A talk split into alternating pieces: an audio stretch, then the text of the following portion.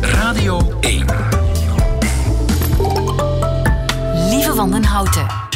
Nieuwe feiten. Dag, dit is de podcast van Nieuwe Feiten van woensdag 27 maart 2019. In het nieuws vandaag de Kapsalonoorlog tussen Rotterdam en Amsterdam. Die oorlog draait niet om balayages permanents of knip- en scheerbeurten, maar om eten.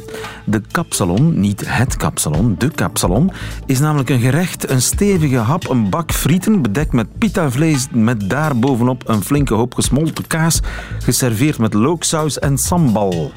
1800 calorieën samen. Maar van wie is de kapsalon? Van Rotterdam, zegt Rotterdam. Maar in Amsterdam denken ze daar anders over. Daar prijkt sinds kort een bord waarop de kapsalon wordt aangeprezen als Amsterdamse specialiteit.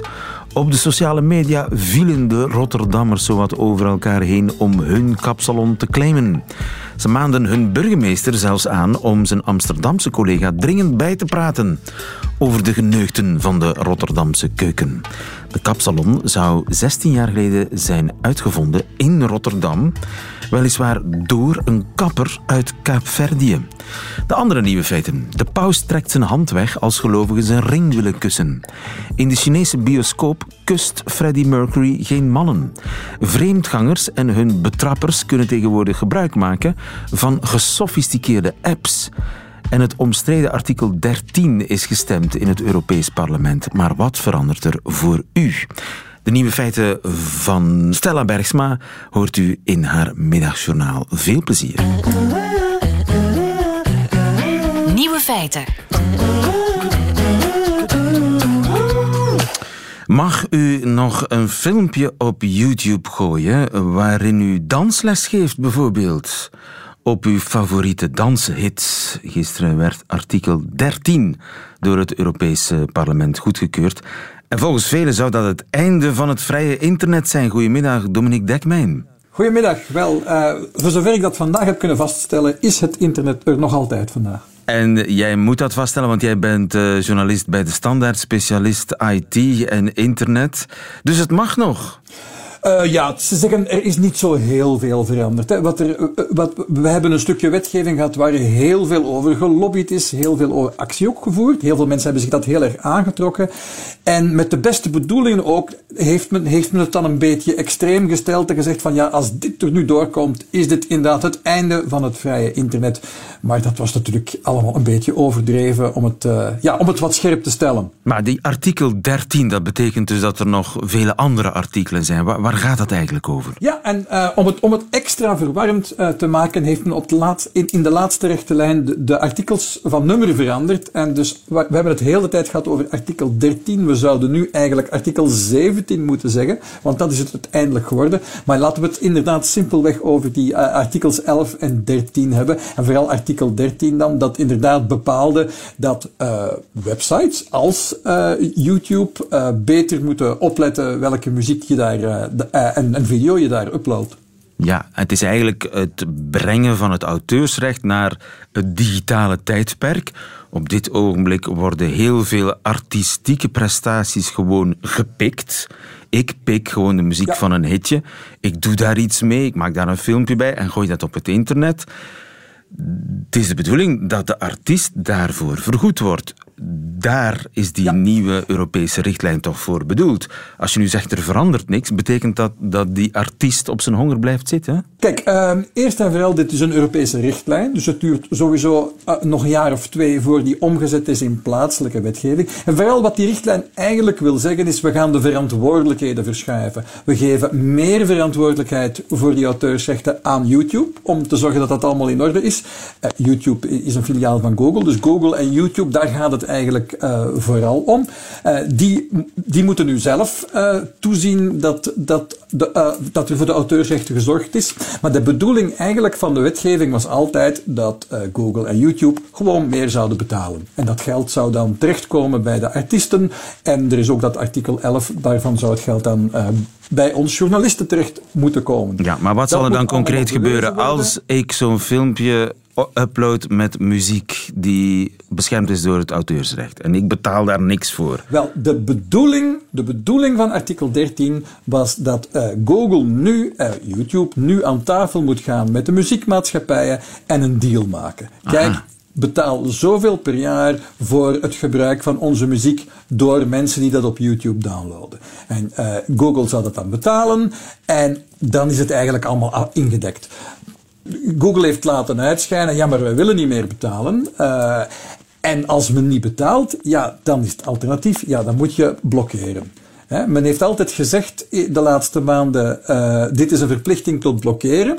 Dat is eigenlijk niet juist. Het is een verplichting om te betalen en alleen als men niet wil betalen, dan moet je blokkeren. Dus als, als YouTube zegt, we betalen niet aan de muziekmaatschappijen, dan, uh, dan zegt de wetgeving, ah, maar dan zijn ze zelf aansprekelijk als er uh, dat soort filmpjes met, met uh, beschermde muziek geüpload wordt. Ja, maar zal er dan niet massaal geblokkeerd worden door YouTube?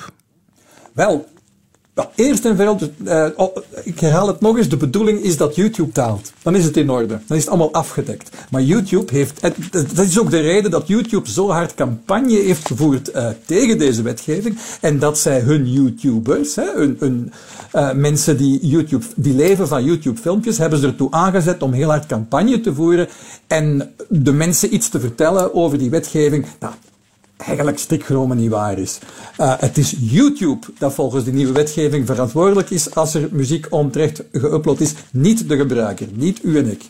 Um, dus als YouTube betaald heeft, als het die overeenkomst heeft met de muziekmaatschappij, gebeurt er helemaal niks. Het is in orde, de rechten zijn betaald, uh, Google is wat geld kwijt en de, muziek, uh, de muzikant heeft wat meer geld. Ja, maar dus dat, dat is eigenlijk de eerstvolgende stap, afwachten of YouTube zal betalen, maar eerst moet natuurlijk die richtlijn omgezet omgezet worden in uh, wetgeving, nationale wetgeving. Ja, dus dat zal nog dus, wel een, dus eerst, een tijdje eerst duren. Zien, ja, voilà, in welke vorm dat die wetgeving erdoor komt.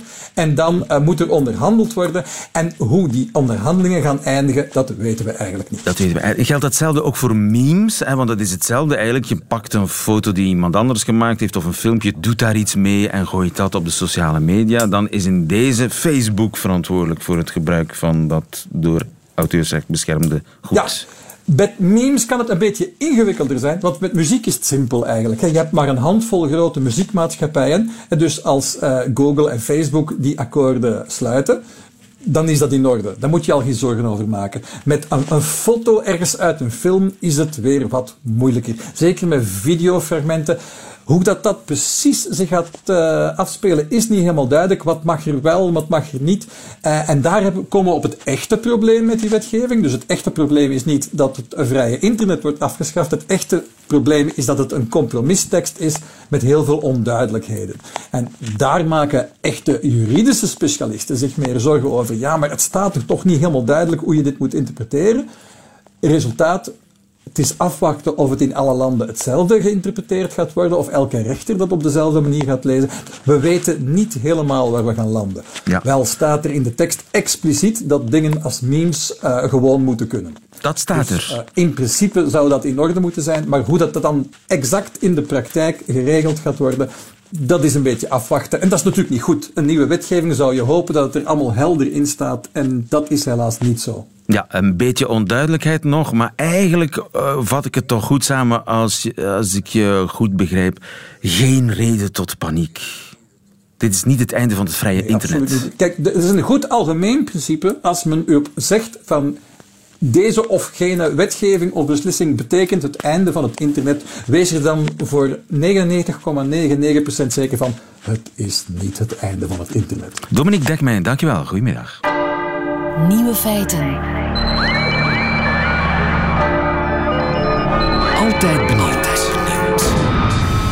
Als gelovigen zijn hand willen kussen, dan trekt de paus zijn hand weg.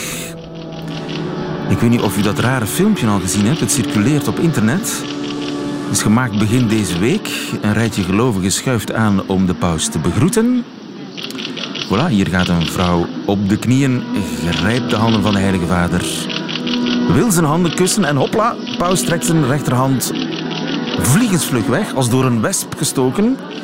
En hij doet dat iedere keer als iemand dreigt zijn rechterhand ringkussen.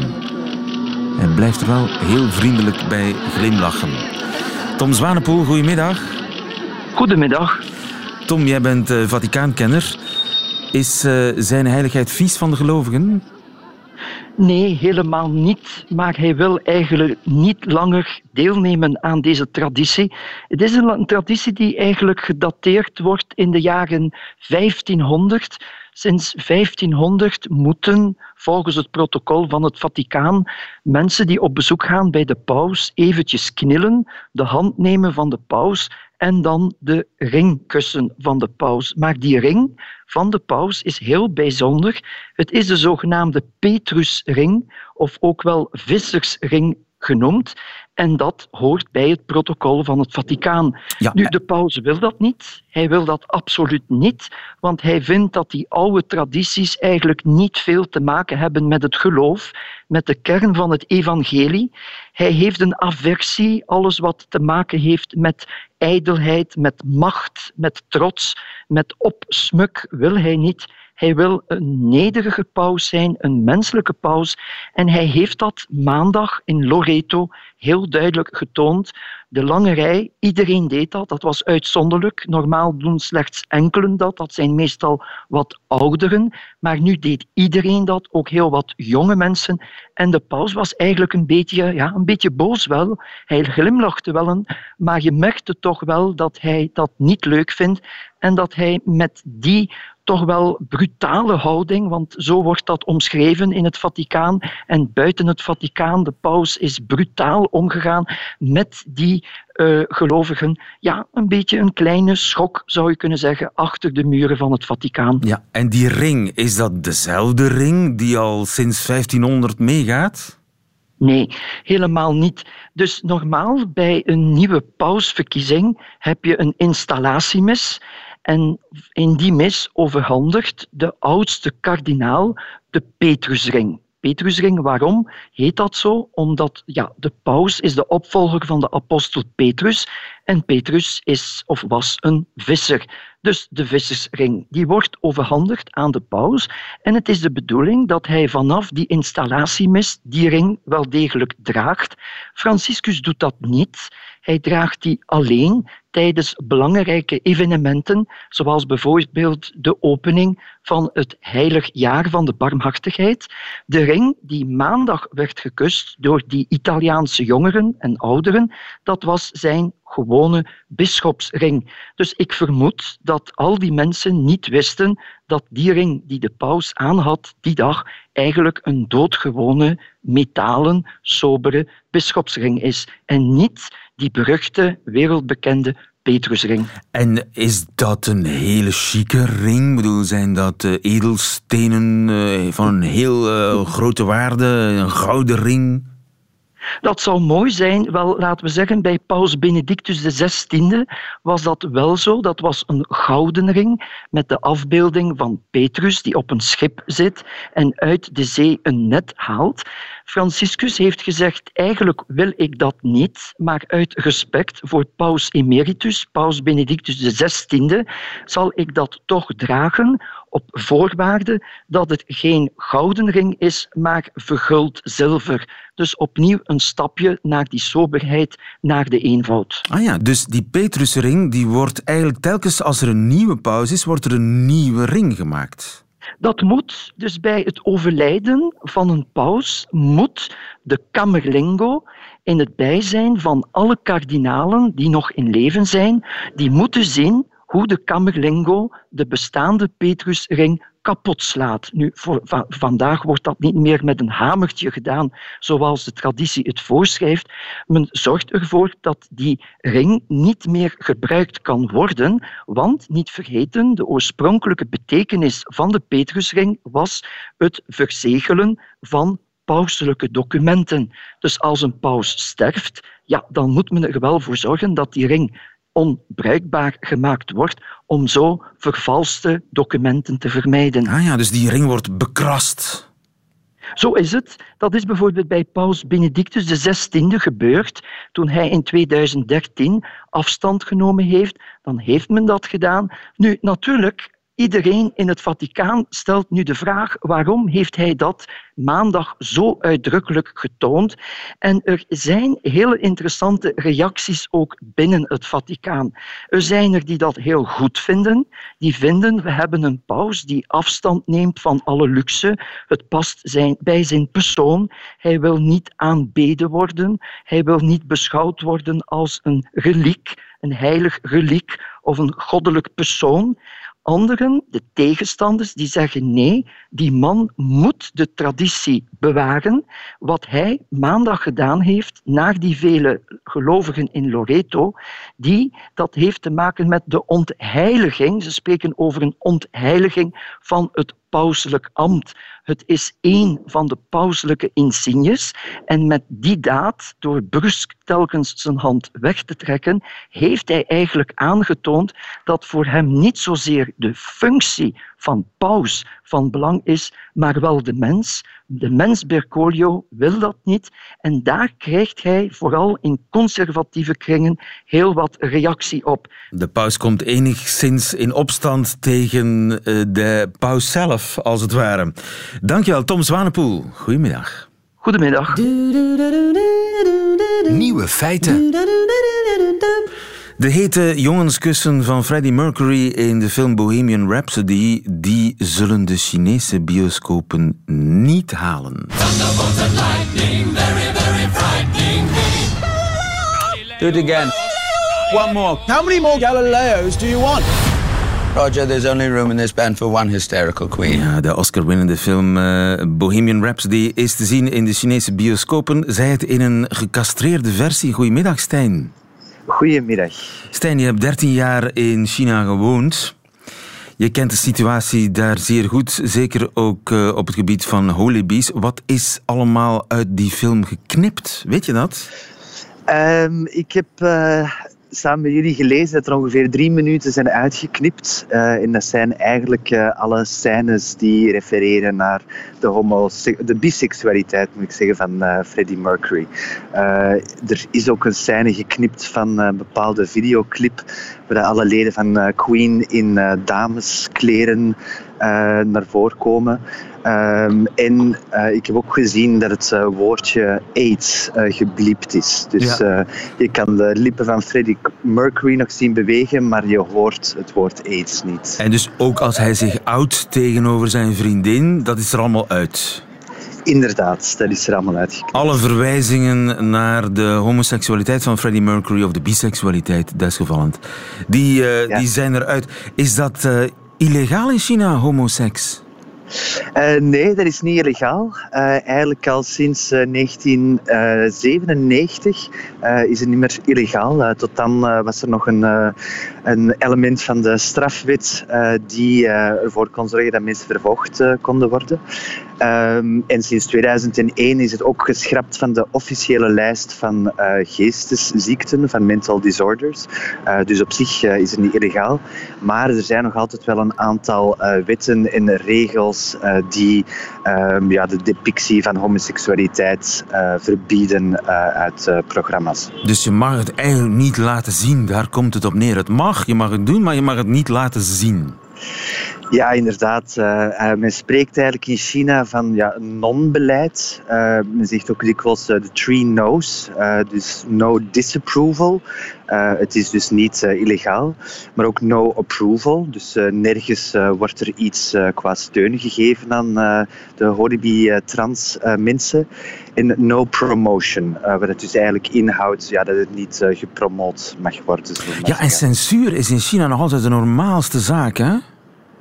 Uh, ja, inderdaad. Uh, dat gebeurt nog uh, zeer regelmatig. af en toe, um, ja, vorig jaar bijvoorbeeld in april was er plots Sina Weibo, dat is een beetje de Chinese Twitter, die ineens aankondigde dat ze een clean-up campaign gingen doen, waarbij dat ze alle referenties naar homoseksualiteit zouden verwijderen.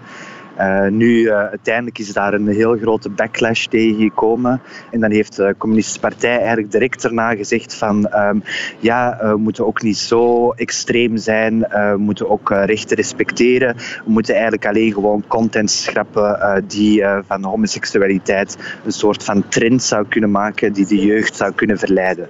Dus wat ziet... mag er dan wel te zien zijn in de film? Alleen ja, het, het gezin als hoeksteen van de samenleving.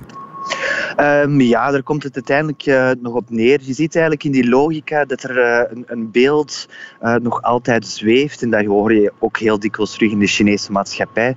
dat jongeren zouden kunnen verleid worden tot dingen zoals homoseksualiteit.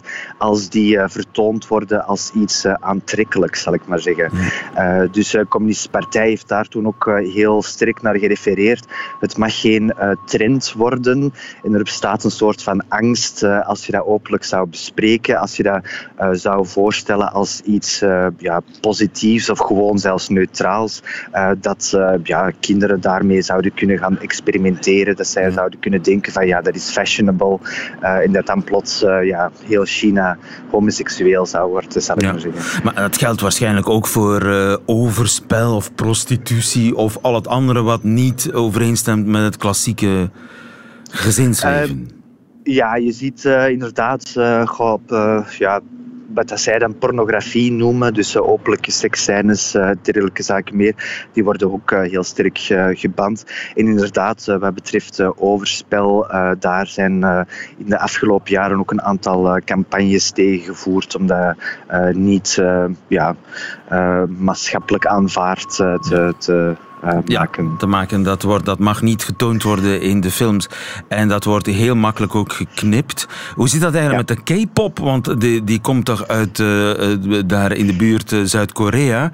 Daar zie je toch de meest... Ja, dan is, dan is Freddie Mercury een stoere bink in vergelijking met die androgyne poppetjes van die popgroepen uit Zuid-Korea. Zijn die te zien? die zijn uh, heel populair. Uh, ook die Koreaanse tv-series en online series zijn ook super populair.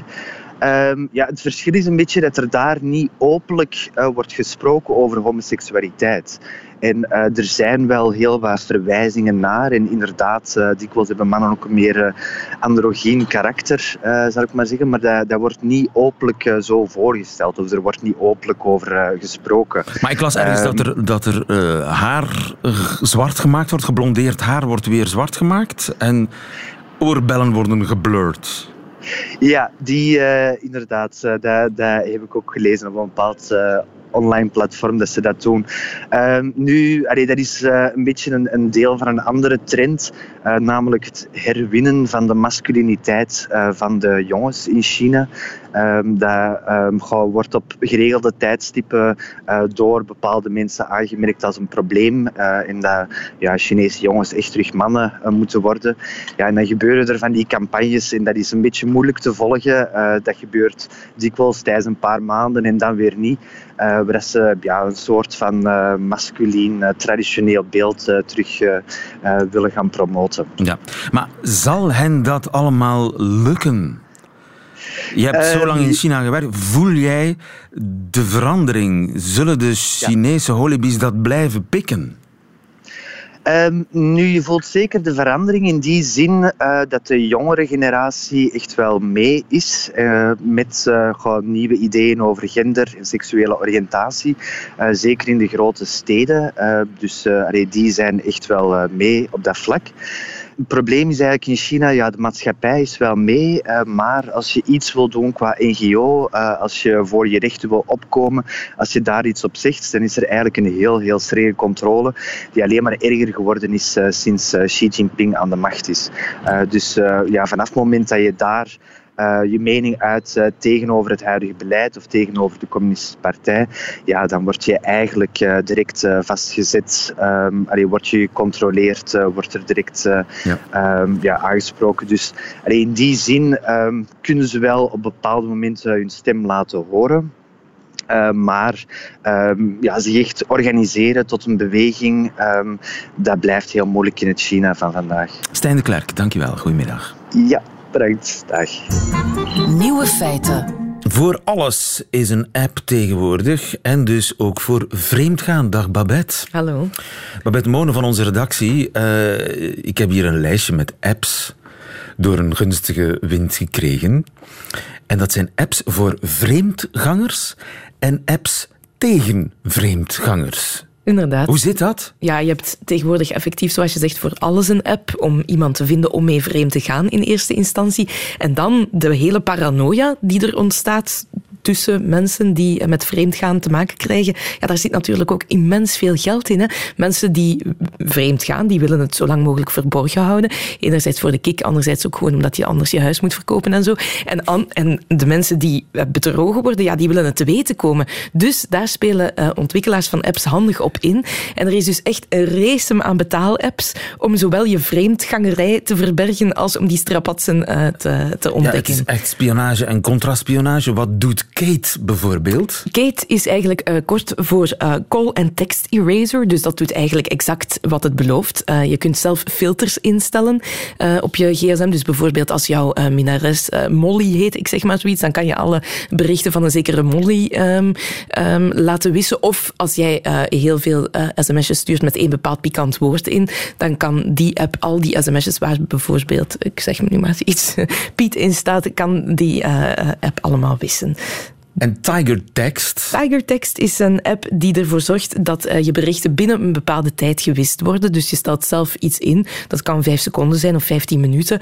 Afhankelijk hoe lang uh, je EGA je gsm gerust laat, kan je dan uh, die, die berichten op je gsm laten staan. Hmm. Cover Me lijkt me ook wel wat. Cover Me is nog uh, meer next level dan Tiger Text. Die doet eigenlijk hetzelfde. Je kan een tijd instellen waarop uh, de berichten ge, uh, gewist moeten worden. Maar als je dan toch in nood bent, dan schud je even met je gsm en dan wist hij ineens alle berichten die compromitterend zijn. Schudden en weg. Schudden en weg. Klaar. En hij, um, je kunt ook via militaire encryptie je berichten laten coderen. Dus als je dan met je gsm schudt en niet alles is weg, hetgeen dat er dan nog staat, is dan ja, een soort van codetaal. Dus je, je partner gaat dan wel denken, ha, die sms nu wel ineens heel veel over duivenmelken of over Japan, maar die kan niet uh, weten dat je eigenlijk daarvoor uh, dat daar iets anders stond. Uh, deze lijkt me ook wel. Meltdown, is dat ook zoiets ja. dat alles wist. Meltdown is de complete paniek. Hè. Dus stel, uh, je bent je man of je vrouw aan het bedriegen. Uh, die man of vrouw komt in je gsm. Jij ziet dat. Je komt de kamers binnen en je ziet, oh, oh, die heeft mijn gsm vast. Geen paniek. Als je Meltdown hebt geïnstalleerd, dan ga je gewoon naar je computer of je tablet of een ander apparaat dat je sowieso nog staan hebt. Je drukt op één knop en ineens gaat die gsm terug naar fabrieksinstellingen. Van op afstand? Van op afstand. Dus ofwel moet je partner heel snel zijn, ofwel ben jij gered. Uh, nosy Trap. Noisy Trap. Of uh, Nosy Trap. Ja, Nosy Trap. Uh, dat is ook een hele goeie. Die maakt een foto van iedereen die in jouw gsm probeert in te breken. Uh, dat vind ik handig. Dat is leuk, hè? Ja, vooral ook omdat dat heel onflatteuze foto's zijn sowieso. Ja, want die zijn van onder getrokken, dus iedereen staat erop met een dubbele kin. Dus je kunt dan ook, stel je partner zegt, hé, hey, jij bedriegt mij, dan kan jij zeggen, ja, ja. En jij hebt 89 keer in mijn smartphone gekeken. Ik heb hier 89 zeer onflatteuze foto's van jou gemaakt door Noisy Trap. Dus ja. dan kun je het een beetje omdraaien. Dus voor de uh, overspelpleger zijn er tal van apps die ja. het overspel kunnen verborgen, verborgen houden.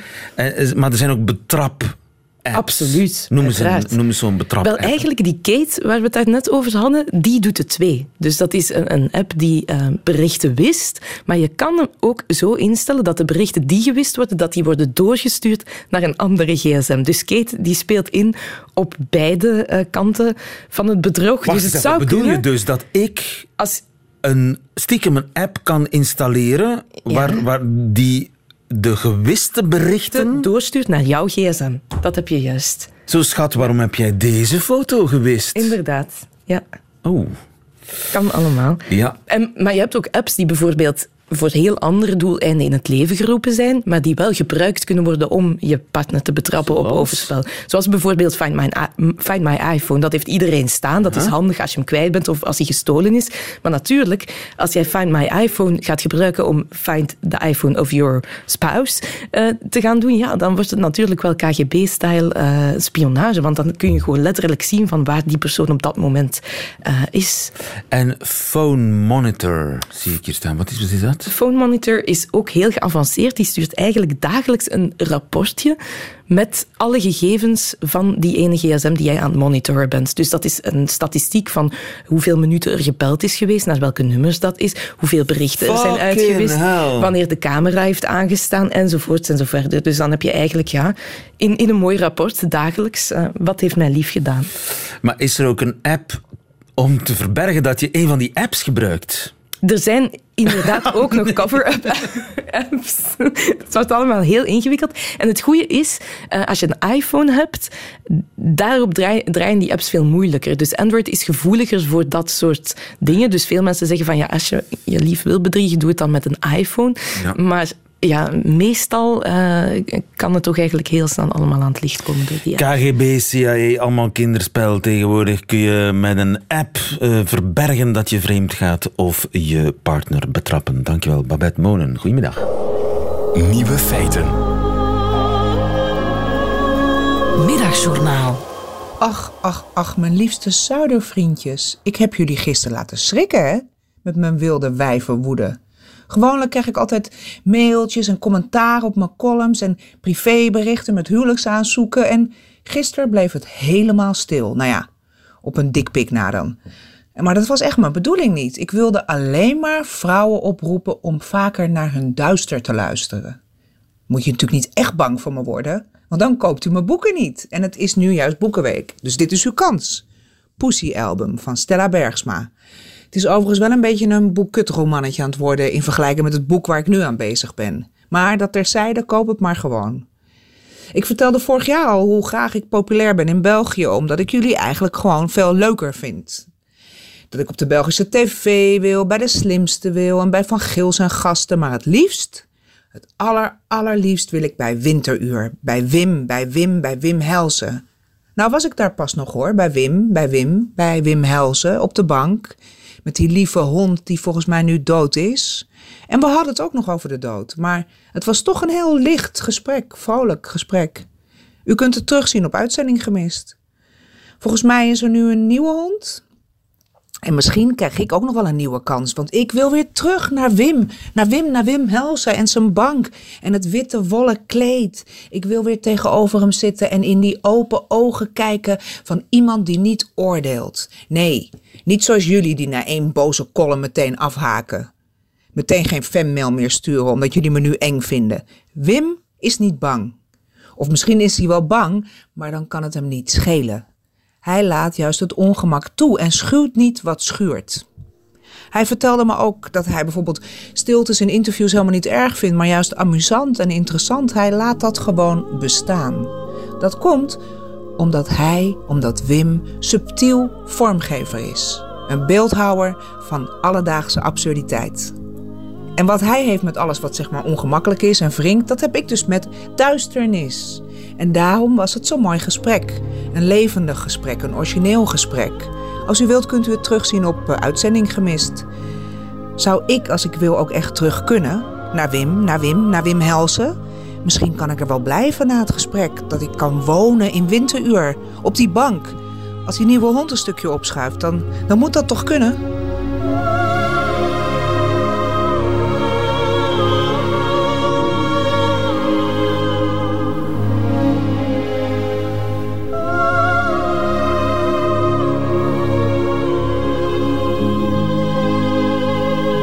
Stella Bergsma in het Middagjournaal. Einde van deze podcast, maar u vindt er nog veel meer op radio1.be en op de podcastkanalen. Tot volgende keer.